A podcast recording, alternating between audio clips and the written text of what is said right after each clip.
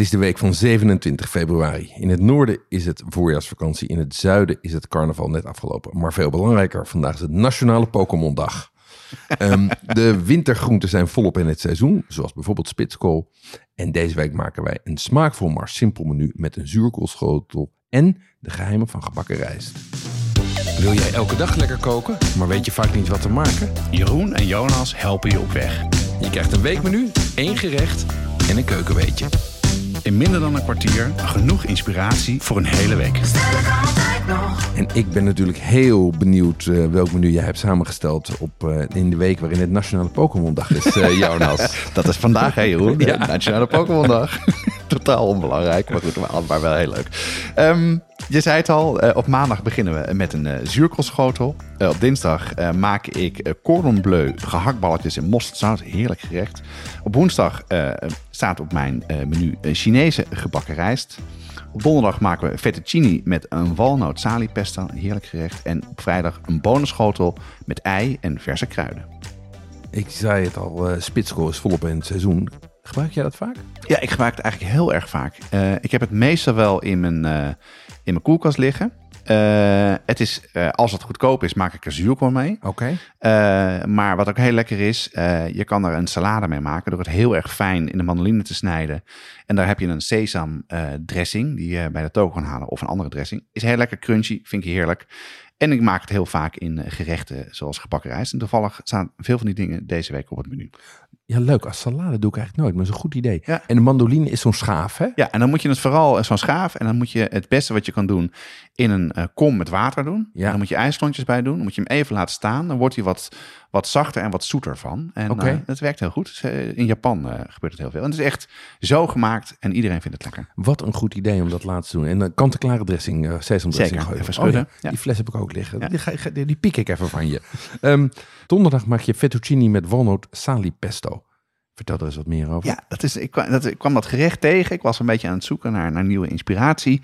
En dat is dus een, eigenlijk een simpel pasta gerecht met fettuccine. Dat is eh, eierpasta. Nou, Mhm. dat kan je in zakken gedroogd kopen. eh, maar je kan het ook eh, vers kopen. Of, Ja. of zelf maken als je het wil. Tuurlijk. Ehm, Het alles zelf maken. ja, maar als je het zelf maakt, is het, is het heel snel klaar. Ja. En het is echt wel lekker, want het is een andere structuur. Maar het is misschien door de week een beetje te veel gevraagd. Maar je kan het vaak ook vers kopen, Jeroen. Ja. Ehm, daar maak je een pesto mee. En dan, dat vond ik dus heel erg leuk aan het gerecht. Je roostert de walnoten. Eh, je doet salie in, eh, in, laat je trekken in warme melk. Daar wordt, je mag het niet laten koken, want je wil die geur behouden. Maar daar wordt die wat minder bitter en die melk krijgt heel veel meer smaak. Eh, dat gaat samen met de salie walnoot in de blender. Hè? Ja. En dan uiteindelijk als laatste doe je daar de parmezaan, best wel wat olijfolie en peterselie bij, eh, vlak voordat je het gaat opdienen. Eh, als de pasta klaar is, in de pan met de pesto, een beetje eh, pasta kookvocht erbij, goed roeren, dat die romig wordt. Heel erg lekker. Dan zou ik zelf misschien nog wat walnoten een beetje eroverheen doen. Misschien salie, een beetje uitbakken in de olie en erbij. En dan heb je een heerlijk gerecht. Klinkt heel simpel en heel lekker.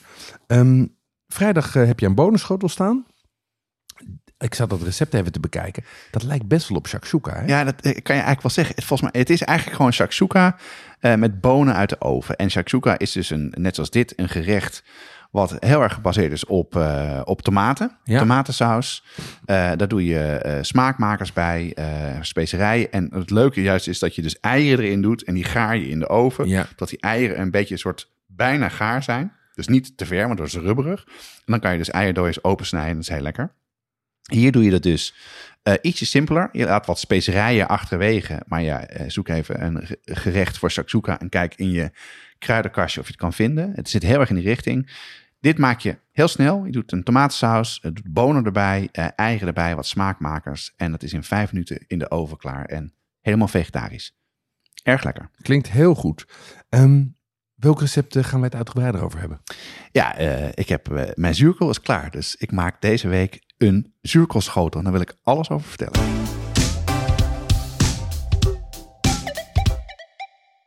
Op onze site hebben we ruim 400 recepten staan. Maar voor meer dan 200 ingrediënten moet je toch echt even naar een speciaalzaak gaan of een toko.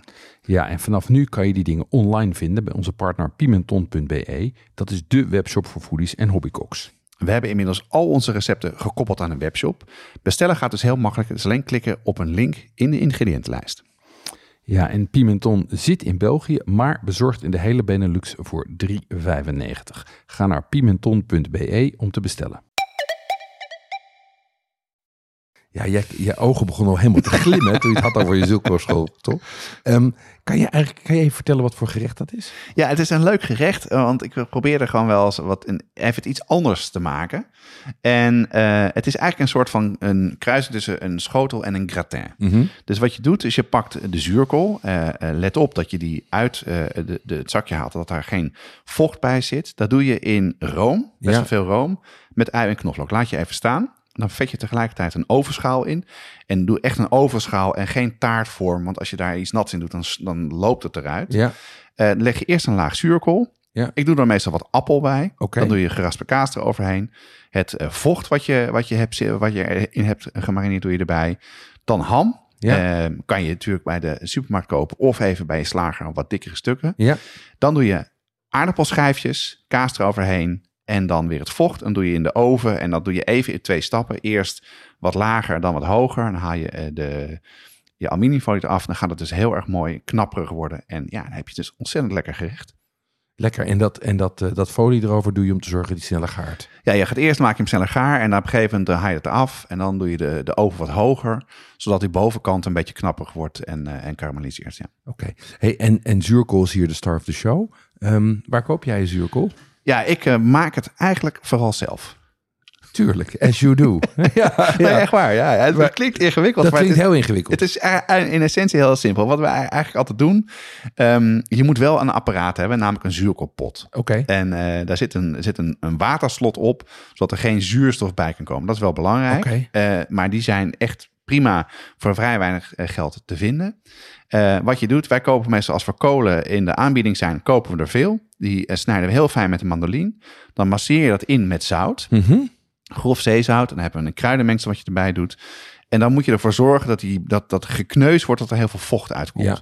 Want de truc is dus best veel zout. Heb je echt nodig. Dat verandert later in, in, het, in het geheel. Dat doe je in de pot. Duw je goed aan. En dan moet je ervoor zorgen dat er water boven komt. Ja. Dan doe je een deksel erop. Doe je water eromheen. Dat heet dan een, waterslot. Dan kan er geen lucht bij komen. En dan laat je het een paar maanden staan. En op een gegeven moment eh, is het klaar. Dat is echt magisch. Dus nu is het klaar. Hoorde ik jou nou zeggen een paar maanden staan? Twee maanden, ja. Oké, Ja. oké. Het klinkt hartstikke leuk, maar dit is wel, dit is wel koken voor grote jongens. Ja, eh, maar het toch? wordt er wel echt heel erg veel lekkerder van. En je kan er ook gewoon zelf dingen doen. Het is meer zo, ja, weet je, je moet het even bedenken en dan gewoon wegzetten. En af en toe controleren dat er niet een schimmel opkomt. Eh die kan je er ook weer afhalen. Het is echt eh, simpeler dan je denkt. En het is echt leuk. Dus het is een leuk cadeau. Set and forget. Ja, absoluut, absoluut, Ja, ja. leuk, leuk. Maar je mag het ook gewoon maken met eh zoeken uit een zakje, toch? Zou ik zeker doen, ja. Ja. Of van de, van de goede groenteboer maakt het soms ook zelf, hè? Eh, ja, en, en, er zijn heel veel dingen. En misschien gewoon aan vrienden vragen die het, het zelf maken. Wij maken echt dan best wel veel. Ja, Dus eh, we verde- verdelen het vaak onder onze vrienden. Jij hebt er ook wat van me gehad. zeker. En hij is ook super lekker. je, je gooit er ook nog wel appel doorheen. Waarom Ja. doe je dat? Ja, nou dat is een beetje, dan moet je een beetje naar jezelf, kan je smaak kijken. Kijk, zuurkool kan best wel zuur zijn. Ja. Als je het zelf maakt, is het best zuur. Dus je moet opletten, wat ik al zei, met het vocht. Ik zou het gewoon even proeven Mhm. eh, uit een zakje. En als het heel zuur is, doe ik appel toe, omdat er wat, ja, weet je, wat zoetzuur wat in balans wordt. Ja. Eh, je kan eh, dat, de ui kan je ook doen, kan je ook eventueel karamelliseren. En dat is een beetje je eigen smaak. Ehm, maar hou wel echt in de gaten dat het vocht waar dit zuurkool in komt afgiet. Want dat is, daar zit het meeste ding in. Het is een beetje uitvogelen wat je lekker vindt. Ik vind het wat lekker dat het zoet, eh, zoet, zoet zuur is. Ja, ja. Oké. Dus eh, in essentie, je zegt even, kijk, even proeven hoe zuur het is. En op basis daarvan in je eigen smaak besluiten om al geen appel toe te voegen. ja. Oké. Ehm, jij maakt er echt een gratin van met hele dunne aardappelschijfjes. Eh, dan moet je weer zo'n mandoline hebben. Ja. Kan, je het ook, eh, kan je dat ook sneller doen? Je kan het zeker sneller doen. Eh, je kan ze zelfs in de supermarkt in zakjes kopen. Je kan ze zelf dik snijden. Maar de essentie is dat je goed nadenkt dat die dingen, dat die aardappels wel gaar worden. Dus hoe dunner je het maakt. En dan, als je een mandoline hebt, dan is het echt heel snel klaar. Oké. Dan zou ik het zeker proberen. Ehm, ja, je kan dan nog wel even, even chefier worden door ze even in wat room te doen en wat knoflook erbij. Maar het hoeft niet per se.